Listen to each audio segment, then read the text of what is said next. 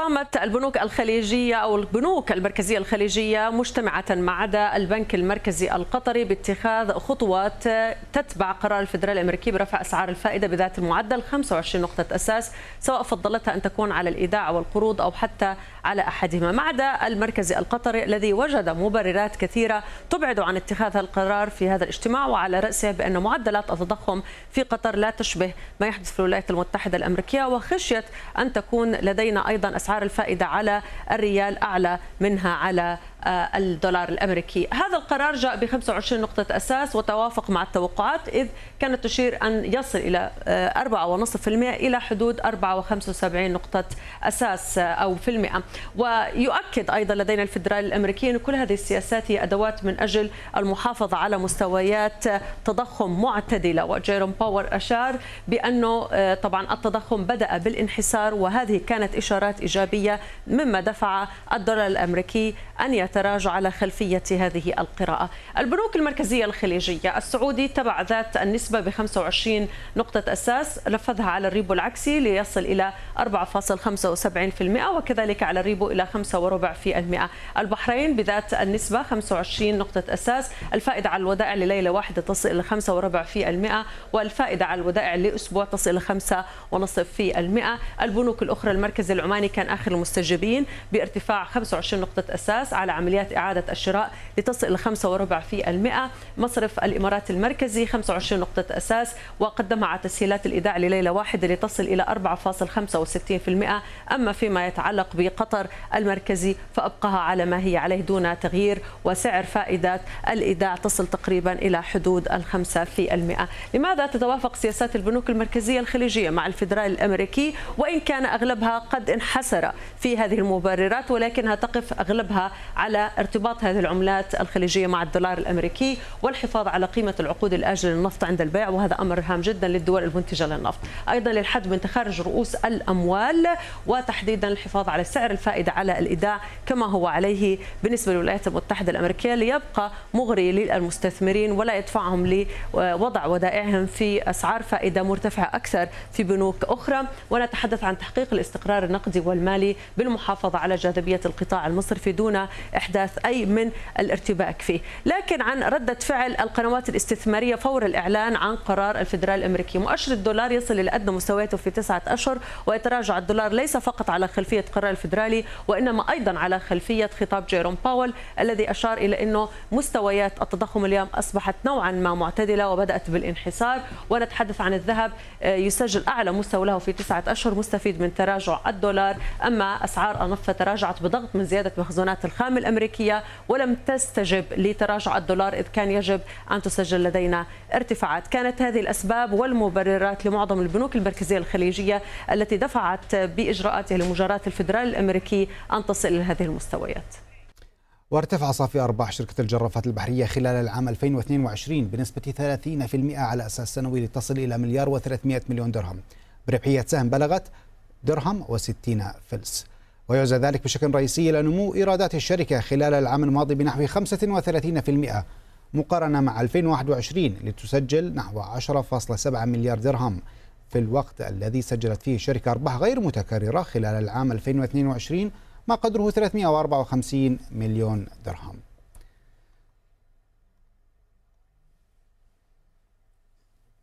واولا على CNBC عربية تعليقا على النتائج. معنا من أبو ظبي السيد ياسر زغلول وهو الرئيس التنفيذي لمجموعة شركة الجرافات البحرية الوطنية. مرحبا بك على شاشة CNBC عربية سيد ياسر. آه نبدأ من هذه الأرباح. طبعا كان نمو واضح في صافي الأرباح ولكن بنفس الوقت لاحظنا بعض الأرباح غير المتكررة سيد ياسر. آه توضح لنا آه ما هي يعني فوائد وأبرز تلك الأسباب وراء تحقيق مثل هذه الأرباح غير المتكررة وكيف من الممكن أن تؤثر أيضا آه، على 2023 إذا كان هناك تأثير. آه، أهلا وسهلا مساء الخير أهلا آه، وشكرا جزيلا للقاء.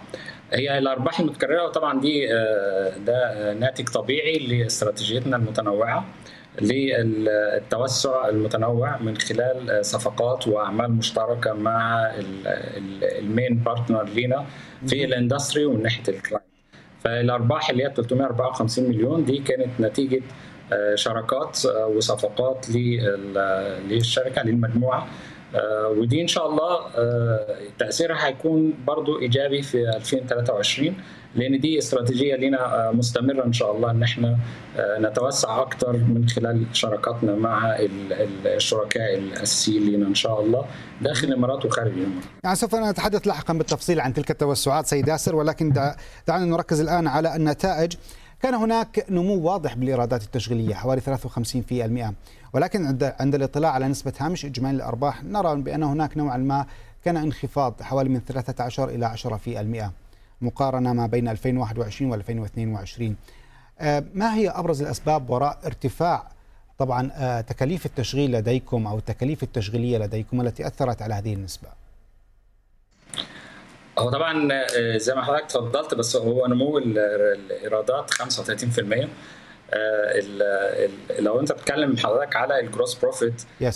فهو انخفاض الأرباح كان من حوالي 11% ل 9% وال 2% دي تعتبر بالنسبة لنا طبعا إنجاز وليس هبوط في ظل المتغيرات اللي حصلت في 2022 وطبعا حضرتك تعلم جيدا ال inflation اللي حصل في في في كل مكان في العالم. صحيح. وكمان آه نعم. والأثر اللي حصل كمان في موضوع ال supply chain وده طبعا يعني الهبوط اللي حصل 2% فقط مش أكتر من ذلك. كان متوقع أكتر من كده بكتير. ولكن طبعا الحمد لله العاملين بالشركة جميعا وإدارة الشركة كنا يعني على قدم وساق من شهر مارس. وكان في مبادرات ضخمة جدا الحمد لله أدت لنهاية العام إلى تقليص الخسائر.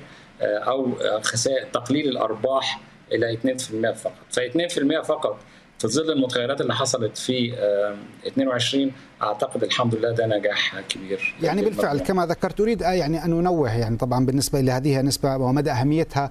وأيضا الكل يعلم بالصعوبات التي مر بها القطاع خلال العام الماضي. ولكن هل سوف تستمر سيد ياسر خلال عام 2023 كيف من الممكن التحكم بالتكاليف التشغيلية بالنسبة إليكم مع التوسعات التي رأيناها ويعني مستمرين بالإفصاح عنها؟ والله هو زي ما بيقولوا رب ضاره نافعة.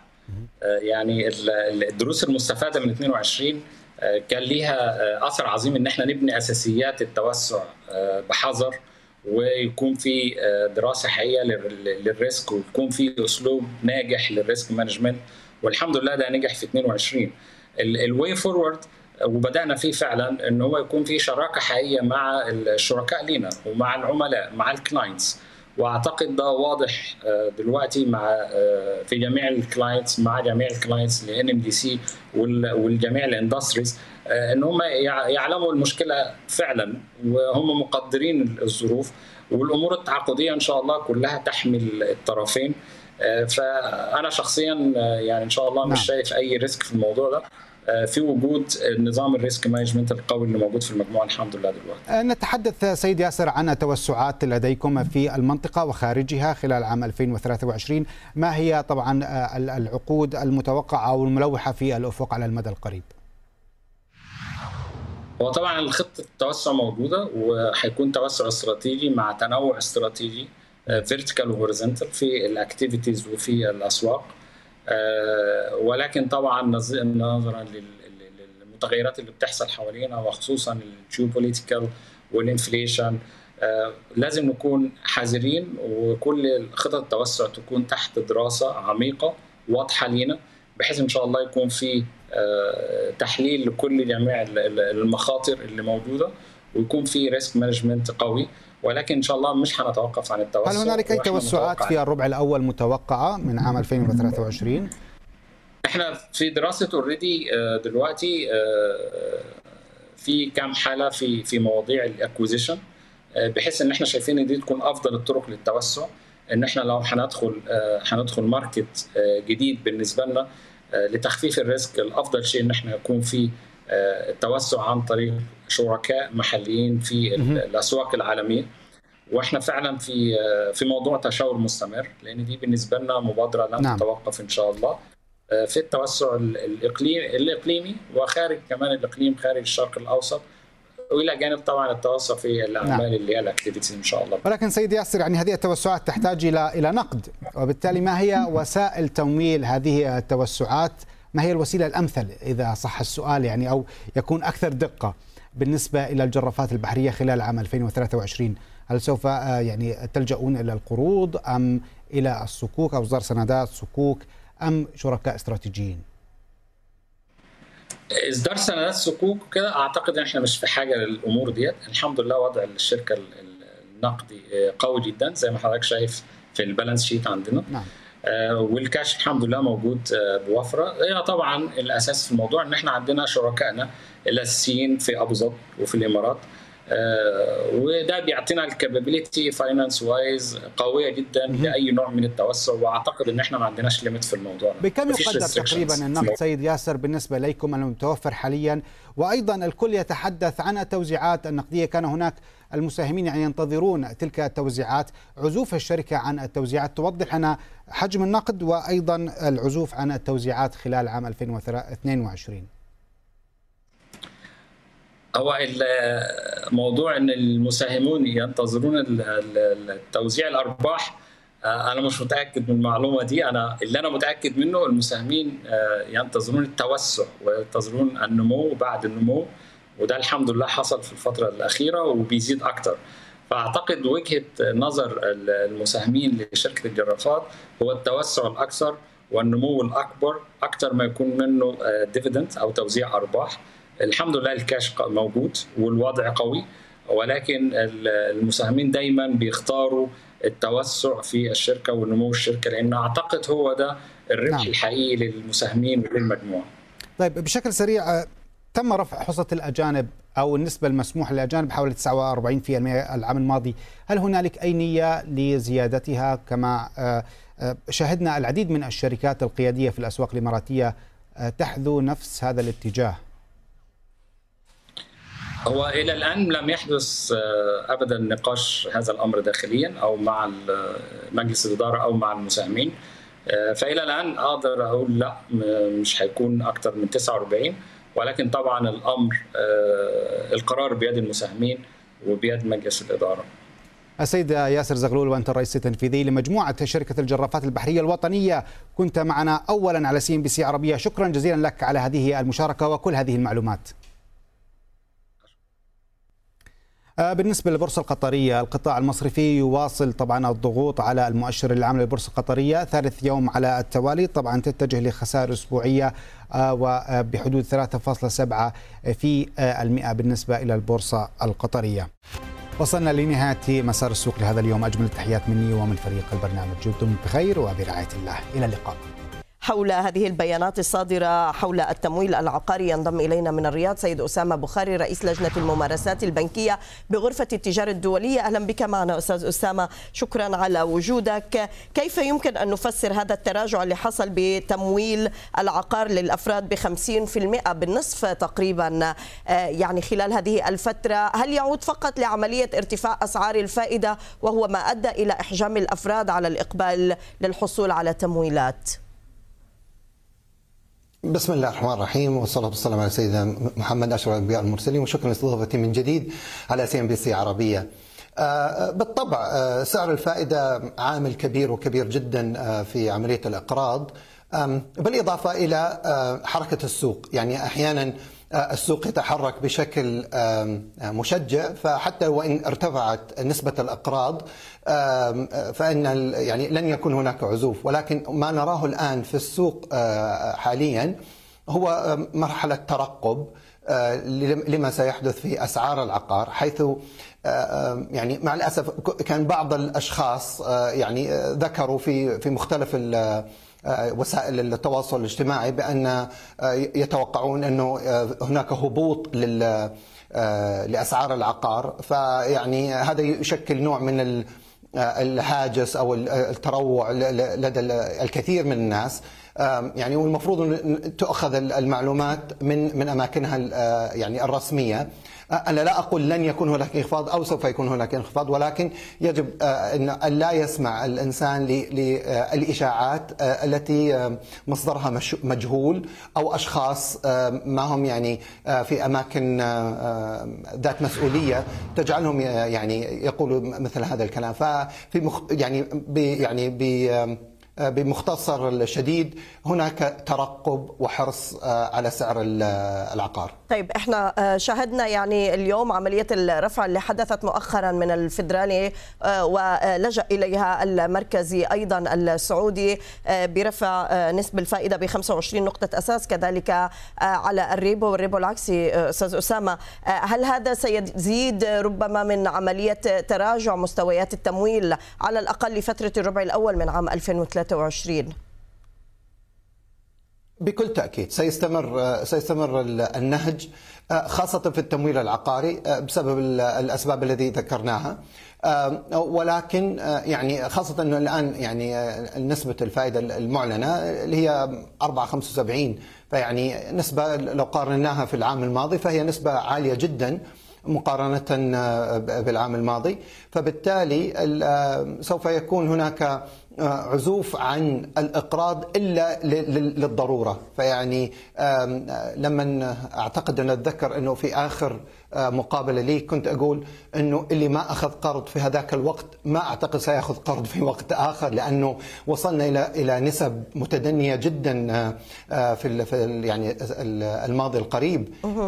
فيعني أعتقد أنه نعم سوف نشهد بالذات في التمويل العقاري وبالذات في الفلل. كما رأينا يعني لو لو نطالع في الأرقام بشكل أدق نلاقي إنه تمويل الفلل هو هو المتضرر الأكبر آه، في في التمويل. طيب معناتها ال SAIBOR سيواصل رحلة الصعود اللي شفناها بعام 2022 بشكل أكبر آه، سيد أسامة لأنه إحنا آه، خلال 2022 وصلنا الارتفاعات على ال SAIBOR في كل مراحل رفع أسعار الفائدة لأعلى مستوياته على الإطلاق وإن كان في عملية انخفاض أخيرة شفناها بديسمبر. هل هذا يعني إحنا مرشحين لمزيد من عمليات الارتفاع بال SAIBOR بشكل أقوى مما كان ب 2022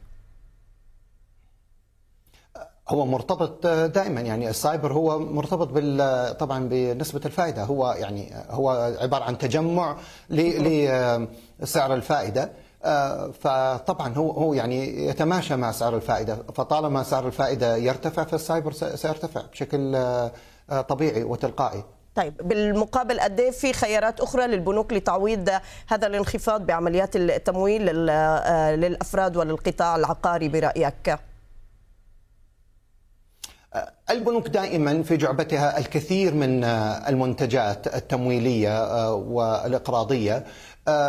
سوف يتجه تتجه البنوك بشكل والمصارف إلى إلى أمور أخرى مثل تمويل المشاريع والذي أه، نشهد فيه نهضة جيدة الآن الفترة هذه سواء على مستوى القطاع الحكومي أو حتى على قطاع الأفراد. أه، سوف يكون هناك يعني توجه في اعتقادي الشخصي إلى إلى تمويل المشاريع أه، بشكل أكبر. واعتقد سوف يكون هناك حركة. سبق وأن ذكرتها أنه آه، لمنشآت المتوسطة والصغيرة أعتقد هي هي من من يحتاج آه، التمويل أكثر من أي أحد آه، من أي قطاع آخر لتنمو العجلة الاقتصادية بشكل أكبر والتي سوف تساعد في نهوض العجلة الاقتصادية بشكل أفضل وأكبر آه، في في الوطن بشكل عام يعني. نعم. نشكرك سيد أسامة بخاري رئيس لجنة الممارسات البنكية بغرفة التجارة الدولية كنت معنا من الرياض شكرا لك نتجه مباشرة إلى الرياض. الدكتور عبد الله باشر رئيس مجلس إدارة تيم 1 للاستشارات المالية ينضم إلينا. دكتور أهلا بك معنا وشكرا على وجودك. خليني أبدأ بالقطاع البنكي لأنه اليوم عم بيواجه نتائج أعمال جيدة جدا. شفناها يمكن من الراجحي من الإنماء من الجزيرة والأهلي كذلك. ورغم ذلك لا تنعكس بشكل واضح على أداء الأسهم ولا على السوق. إلى جانب رفع أسعار الفائدة اللي شفناه. ما الذي يحدث؟ آه، مرحبا ميسا ومشاهدي ومشاهدات ال CNBC وسلامات يعني الحمد لله الله. سلامتك يعني الله يسلمك مبين صوتي مرشحة شوي دكتور اسمح لي والله في توصيات من الكادر اللي وراك يقولوا تعبان. أيوه مهتمين فيك مهتمين فيني الكادر في توصية فخلينا ندي ندي توصية للسوق ولو إنه السوق ممنوع التوصيات فيه. سوق مرشح مثلي يا دكتور شكله. جميل. دعينا نبدأ من النقطه هذه. أنت أشرت الحقيقة إلى إلى إلى, إلى نقطة آه، تحليل مالي بحت. ولكن كيف نترجم هذا التحليل المالي آه، على شاشة ال CNBC وسيدة الشاشة؟ دعينا نقول أول حاجة أنت لو لاحظتي الحقيقة من الناحية المالية وأنا كرجل مالي آه، نتائج البنوك ستجدي نتائج البنوك متذبذبة. يعني أعلى بنك ارتفع 46% مهم. بينما بنوك أخرى كانت في حدود العشرة والثمانية آه، في في في في المية. فهذا الفارق الحقيقة يعطيك كيفية الحالة المالية في الاقتصاد. هذا واحد. ال- العامل الآخر آه، لو لاحظت كذلك لل- للقطاع ال- ال- ال- البنكي إنه في الربع الرابع تبدأ الارتفاعات ترتفع آه، بالنتائج. بينما الاربعه الاولى ويمكن السنة ال- ال- الماضية 22 نعطيهم العذر لأنه ما بدأت عملية رفع آه، أسعار ال- ال- الفائدة إلا تقريبا من بعد الربع الأول فبالتالي قد يكون الهت أو الضغط الكبير اجى على الر- الربع ال- الرابع. هذه بالنسبة للتحليل المالي تعني الكثير للباحث للمحقق للي ينظر إلى نتائج ال- ال- القطاع ال- ال- ال- البنكي. ثم انت قبل شوي كذلك أنا أعتقد مريتي على نقطة جدا مهمة واللي يتساءل الناس حواليها الآن واللي هي أصبحت الشغل الشاغل للمخطط آه، لمتخذ القرار للأسواق هو سعر الفائدة. سعر الفائدة لن نكون تقليديين نقول ارتفع وانخفض وأثر في الارتفاع وانخفض في الارتفاع. لكن دعينا ناخذ سعر الفائدة من أربع الجوانب المركبة لها. في عندك ال- ال- الريبو والريبو العكسي. الريبو والريبو العكسي هذه أداة من الأدوات المالية اللي تستخدمها البنوك المركزية والبنوك المكونة للقطاع البنكي، يعني عندما تقترض بين بعض أو عندما تأخذ من البنك المركزي تتحدد سعر الفائدة وهذا اللي بيعمله ال- ال- ال- ال- الفدرالي. الريبو العكسي عندما يكون في شرط اني حقترض من ميسة وحرجعه لها. ولكن حديها خصم. ما حاخذ نفس السعر اللي كانت من أول. فهنا اذا هذا الريبو والريبو العكسي. بالنسبة لل- لل- لل SAIBOR هذا يختلف. ال SAIBOR هو عملية الاقتراض بين البنوك. ما لها علاقة في في ال- في البنك في البنوك المركزية. نعم. وهذه اللي بين البنوك ويمكن المتداول البسيطة وحتى المستهلك البسيط. يلاحظوا لو راح استخدم ال ATM machine تبعه في بنك آخر عن البنك اللي أصدر ال- ال- البطاقة سيجد إنه هناك عموله فهذه هي ال SAIBOR. ال LIBOR هنا عملية تختلف. وهي ال LIBOR طبعا بدأت من البنوك ال- ال- ال- البريطانية عندما نظمت عملية الإقراض طالب ال- في طالب الإقراض وحتى ما تكون ال- المنافسة أو الاحتكار بينهم قوي. فاتفقوا على سعر فائدة اللي يقرضوا فيه. وهنا نرجع مرة أخرى في التحليل المالي للنقطة الأولى لماذا أرباح البنوك السعودية بهذا التناقض؟ نعم. من 46% زيادة إلى 8% زيادة. طيب ويمكن قرأنا بالتمويل العقاري آه، قبل قليل آه، دكتور عبد الله يعني تراجع ال- ال- التمويلات العقارية 50 بال- بالمئة اليوم. آه، قد إيه رح يترك أثره برأيك على ال- ال- البنوك؟ يعني وإن كان ما زالت يعني بعض البنوك عم تستفيد من حجم الودائع اللي شفناه قفز ب 2 أو 20% لبنك الإنماء. آه، التمويل العقاري رح يشكل هاجس برأيك كبير للبنوك للمرحلة المقبلة؟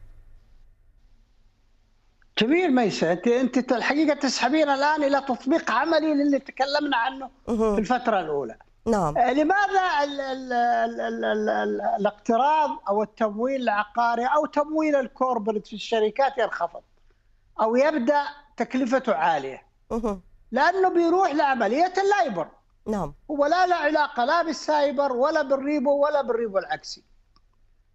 فال فال فال فال LIBOR بيرتفع عليه. فعندما يرتفع عليه سعر الإقراض تبدأ اما عملية عدم أخذ إقراض أو عملية الإقراض بتكلفة آه، عالية. وهذا يمكن يترجمه أنت لو لاحظتي سعر الذهب الآن وصل 1900 نعم. يعني إحنا نتكلم من 1700 إلى 1900 هذا نتيجة لعملية إنه الذهب هو فعلا الملاذ الآمن في هذه الازمات أو إنه تجد الآن وللأسف ما في دراسات معمقة إنه أصبح أكثر المودعين في السوق السعودي يأخذ مقابل. بل بعض البنوك الحقيقة بدأت تجذب هذه الودائع أو هذه الأموال بحيث انها حتى على الحساب الجاري أو سمته آه، وفقا مطابق للتعاملات الإسلامية مرابحة أو نوع منه فبتعطيك على حسابك الجاري آه، عائد فبالتالي أصبحت السيولة هنا نقول إن السيولة أصبحت آه، قليلة أو أصبحت ذات قيمة دعيني وليست قليلة أصبحت. فأنت عندما تريد سيولة سواء للأقراض العقاري أو للكوربريت أو حتى للأشخاص نعم. آه، اللي بيستخدم الكريدت كارد والفيزا وغيرها إذا ترى التكلفة أصبحت آه، أعلى مما أنت فيه. ليه؟ لأنه لها جوانب أخرى ما أعتقد نتعرض عليها في هذا. طيب آه، آه، ويبقى السؤال دكتور يمكن إحنا طرحناه أكثر من مرة الآن مع توجه رفع أسعار ال- الفائدة واستمعنا قبل قليل يمكن بنك إنجلترا أيضا رفع أسعار الفائدة ب 50 نقطة أساس آه، خيارات الشركات لإصدار الصكوك وكان أولها الراجحي يمكن اللي بادر بهذه المبادرة آه، ستبقى ال- الأفضل الآن بهذا التوقيت واليوم أكوا باور يمكن أيضا عم تنتهي من عملية إصدار الصكوك بما يفوق المليار و800 مليون ريال؟ آه، جميل ميسة لأنه خيارات ال- ال- الشركات وأنت أخذت الشركات كلها في سلة واحدة. آه، جبتي الراجحي وجبتي أكوا باور صحيح. وفرق بين الشمال والجنوب. ال- الراجحي بنك. نعم. البنك الدورة النقدية فيه مودعين إقراض. أكوا باور شركة إنتاجية شركة تقدم منتج تقدم خدمة. فبالتالي إقراض وتقديم خدمة.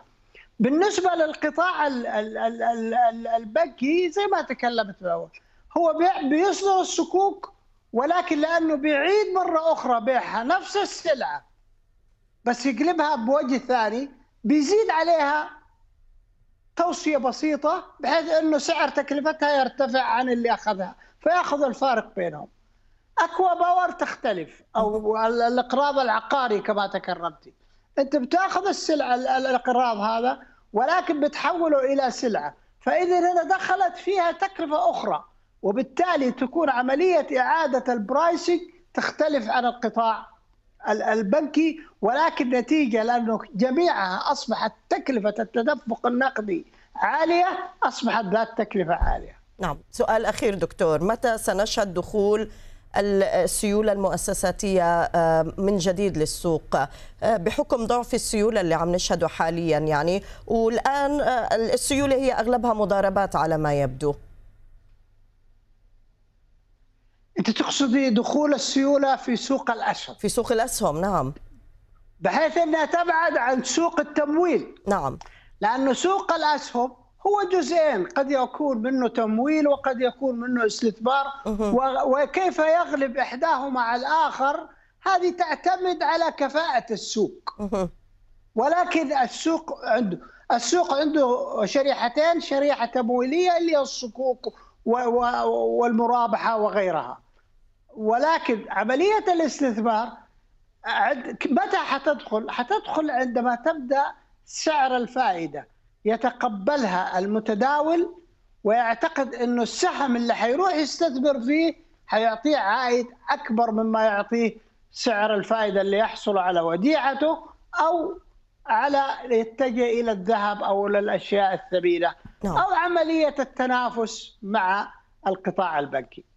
نشكرك دكتور عبد الله باشر رئيس مجلس إدارة تيم 1 للاستشارات المالية على هذا التحليل القيم والمالي والجديد اللي دائما عم نسمعه منك. شكرا جزيلا لك. عموما دعونا ننتقل مباشرة إلى آه، وائل عنبة آه، نائب رئيس مجلس إدارة تايكو للاستشارات المالية. يحدثنا عن هذا الإغلاق. أستاذ وائل أهلا بك معنا وشكرا على وجودك. آه، يعني القرار شكرا. الأبرز اليوم اللي عم ننتظره واللي دائما بيجي على موعد لقائك يوم الخميس هو قرار المركزي. كل التوقعات حتى الآن عم بتشير لعملية رفع ما بين الواحد إلى 2% برأيك لماذا تأتي التوقعات؟ على عملية رفع قادمة من المركزي هل هي بسبب عملية التعويم الأخيرة التي شهدناها آه، لسعر الصرف؟ آه، بالفعل في توقعات من كل البنوك الاستثمار وكل الخبراء إن في رفع لسعر الفايدة النهارده. ليه؟ لأنهم شايفين إن التضخم عالي. أنا شايف إن ده حل كلاسيكي بحت قديم ما جابش نتيجة. إحنا السنة اللي فاتت رفعنا الفايدة 8% في السنة. ما عملتش أي نتيجة. فالحل الكلاسيكي ده يا ريت نبعد عنه. أنا شخصيا أطالب بتثبيت سعر الفايدة. ليه؟ رفع سعر الفايدة بيؤدي إلى زيادة عجز الموازنة عشان عبء خدمة الدين العام بيؤدي إلى طبع فلوس بيؤدي إلى تضخم. التضخم بيؤدي إلى رفع سعر الفايدة عشان نواجه التضخم. والسلسلة تمشي كده لغاية ما نلاقي إن إحنا عمالين نطبع في فلوس ونرفع في سعر فايدة بدون أي نتيجة. فدي أنا أطالب البنك المركزي إن النهاردة يقوم بعملية تثبيت سعر الفايدة. الحل الحاجة الوحيدة اللي تبقى مبرر للبنك المركزي إنه يرفع سعر الفايدة إن هو بيبص على دخول الأموال الساخنة. رفع الفايدة 3% الاجتماع الماضي ما جابتش التأثير اللي كان بيتوقعه. من دخول الأموال الساخنة يعني كل اللي دخل تقريبا مليار ونص ولا حاجة كان عشانهم واملهم في أكبر من كده. فدي هي المبرر الوحيد. لكن مبرر التضخم أساسا رقم التضخم المعلن غلط. إحنا كلنا شاكين فيه لأن إحنا عايشين وشايفين الحالة. إحنا عندنا ست البيت المصرية عملت مؤشر الفراخ البانيه لقياس التضخم. يعني كل ما الفراخ البانيه تغلى يقول لك التضخم غلي. فراخ البانيه دي غليت 100% خلال مثلا ست شهور التضخم ما طلعش 100% فأصبح كل شاكك في رقم آه، معدل التضخم اللي معلن ومع ذلك أنا بقول للبنك المركزي يا ريت يقوم بعملية تثبيت ويدور على حلول غير كلاسيكية لموضوع التضخم. سعر الصرف إلى أين يا أستاذ وائل بحال هذا الرفع يعني إن تم أو حتى بحالة التثبيت لأنه إحنا وصلنا ل 30 جنيه والتوقعات ببعض التقارير الدولية عم بتشير إنه ممكن نخترق ال 35 جنيه.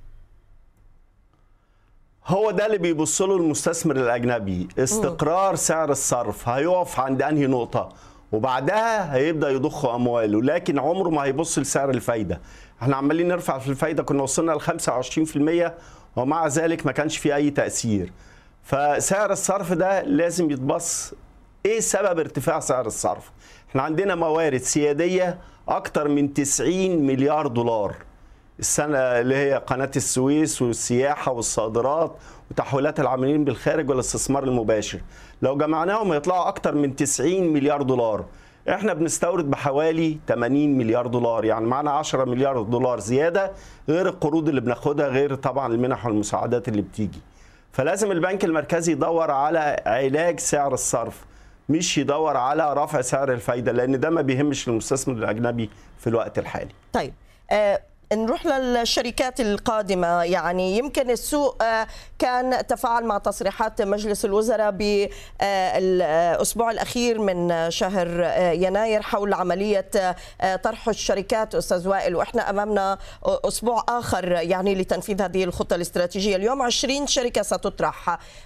ما هو المرتقب من هذه الخطة؟ وما زال التساؤل يمكن بالأسواق. هل آه، سيكون التأثير على السوق إذا كانت هي زيادة حصص شركات مدرجة نفس التأثير إذا كان في دخول شركات جديدة على السوق بنفس الأثر؟ إحنا عندنا ثلاث أنواع من الشركات اللي هتطرح. وأنا في النهاية هقول لحضرتك ملاحظاتي على برنامج الطروحات لأنه نزل النهارده أسماء ال 20 شركة من شوية في وسائل الإعلام. صحيح. فهنقول في ثلاث أنواع. اولا شركات مقيدة ومتداولة دي هيزودوا الحصص اللي هتتباع منها. أول ملاحظة هنا إن كل حصة هتتباع من سهم من الأسهم دي هتعمل تأثير إيجابي على بقية القطاع اللي هو فيه. يعني في الجدول مصر الجديدة هتطرح حصة زيادة. لو نزلت بسعر غالي كل قطاع العقارات هيتأثر ويزيد. سيدي كرير هتطرح حصة مصر الالومنيوم هتطرح حصة فكل حصة تنطرح هيعاد تقييمها آه، القطاع كله عامل إيه؟ وهيكون تأثيرها إيجابي لأن إحنا ما زلنا مضاعفات ربحية رخيصة جدا. يعني أنا بتوقع الطروحات هتبقى بأسعار أغلى من كده من المنطقة اللي إحنا فيها خصوصا بعد هبوط البورصة الفترة دي. ده أول نموذج. تاني نموذج شركات مقيدة ولسه ما انطرحتش زي بنك القاهرة وزي بعض الشركات. أنا بقول هنا في حالتنا دي يا ريت بنك القاهرة يطرح لمستثمر رئيسي. يعني يطرح كبلوك واحد عشان التطوير وعشان آه، العوائد الدولارية لما يتباع لمستثمر رئيسي. وعندنا في ال- ال- ال- المنطقة دي أيضا بعض الشركات التي لم تذكر اسمها لأن في تفاوض مباشر مع مستثمر رئيسي لبيعها زي بورسعيد للحاويات وزي دمياط للحاويات كان نزل عليهم أخبار بالطرح منذ شهر. يبقى دي النموذج الثاني النموذج الثالث الشركات الغير مقيدة اللي لسه هتقيد وتعدل الطرح ال 20 شركة دول مش هينزلوا في شهر ولا اتنين.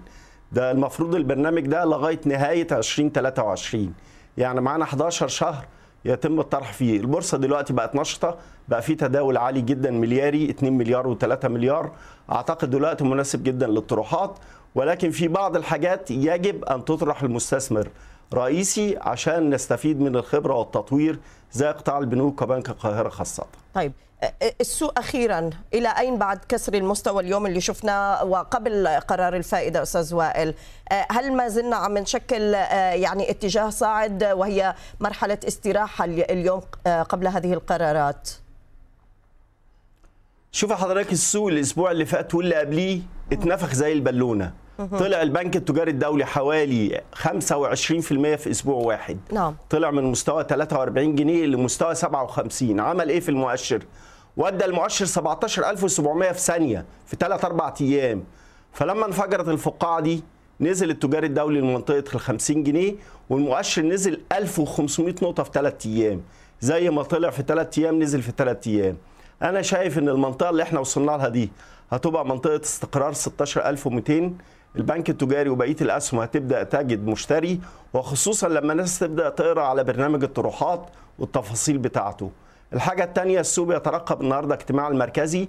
أنا بقول لحضرتك لن يؤثر نهائي في البورصة سواء زياده سعر الفايدة أو تثبيت سعر الفايدة أو تخفيض سعر الفايدة وده مستبعد تماما. مش هيأثر نهائي على السوق. السوق له عوامل أخرى مؤثرة سعر الصرف دخول الأجانب سعر الشركات اللي هتطرح وقيمتها الحاجات دي كلها هي اللي بتأثر على السوق إيجابا وسلبا. ونشكرك أستاذ وائل عنبة نائب رئيس شركة تايكون لإدارة المحافظ وصناديق الاستثمار. كنت معنا من القاهرة. شكرا لك. وأخيرا نعود لنذكركم طبعا بالقرارات التي صدرت والأوامر الملكية بإعفاء محافظ البنك المركزي السعودي فهد المبارك من منصبه وتعيين أيمن بن محمد بن سعود السياري بدلا منه بمرتبة وزير وتعيين الدكتور فهد المبارك كمستشار بالديوان الملكي. اذا ضمن التغييرات التي نشهدها على المركزي السعودي في التطورات الأخيرة. كانت هذه جولتنا مشاهدينا على السوق المصري تراجعات جماعية قبيل اجتماع البنك المركزي المصري وكذلك تراجعات على السوق السعودي ونمو في ختام تداولات هذا الأسبوع. نأتي لنهاية الكلام. أشكر لكم حسن المتابعة. إلى اللقاء.